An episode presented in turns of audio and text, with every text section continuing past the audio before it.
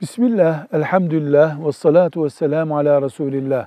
Soruluyor ki diploma çalıştırmak caiz midir? Bununla şunu anladık.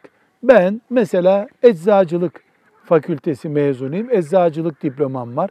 Eczacılık yapmıyorum. Başka birisine veriyorum.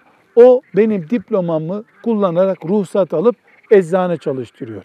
Bu ise kastedilen şey soruda bu caiz değil. Neden?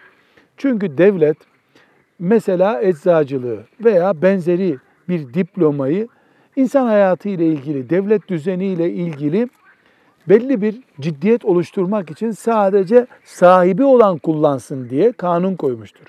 Bu kuralı delmek caiz bir şey değildir. Neden?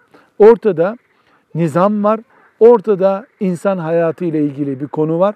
Böyle öyle olmasa bile benimki o tehlikeyi oluşturmaz dese bile insan Müslüman hayati konulardaki ciddiyeti bozacak işler yapmaz.